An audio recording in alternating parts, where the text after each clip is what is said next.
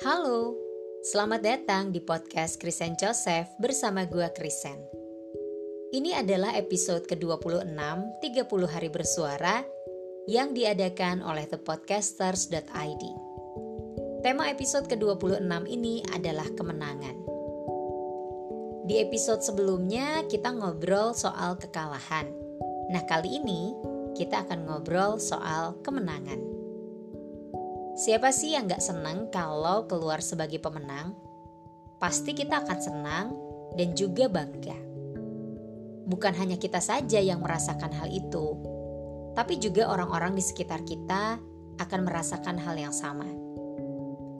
Tapi yang namanya kemenangan bukan selalu harus jadi yang pertama dan bukan melulu soal perlombaan, terutama dalam menjalani kehidupan kita.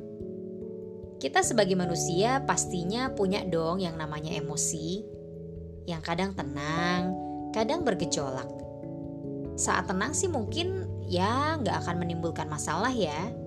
Tapi kalau seandainya sedang bergejolak dan kita nggak bisa mengendalikannya dengan baik, pasti kita akan kalah. Tapi seandainya kita bisa mengendalikan emosi kita dengan baik, kita akan keluar sebagai pemenang. Dan itu tidak berlomba dengan siapa-siapa kan? Tapi dengan diri kita sendiri. Susah-susah gampang sebenarnya mengalahkan diri sendiri itu karena ego kita sebagai manusia cenderung besar. Dan juga kita masih harus terus berproses dan belajar untuk menjadi dewasa. Bukan dewasa dari segi usia, tapi dewasa dari segi emosi.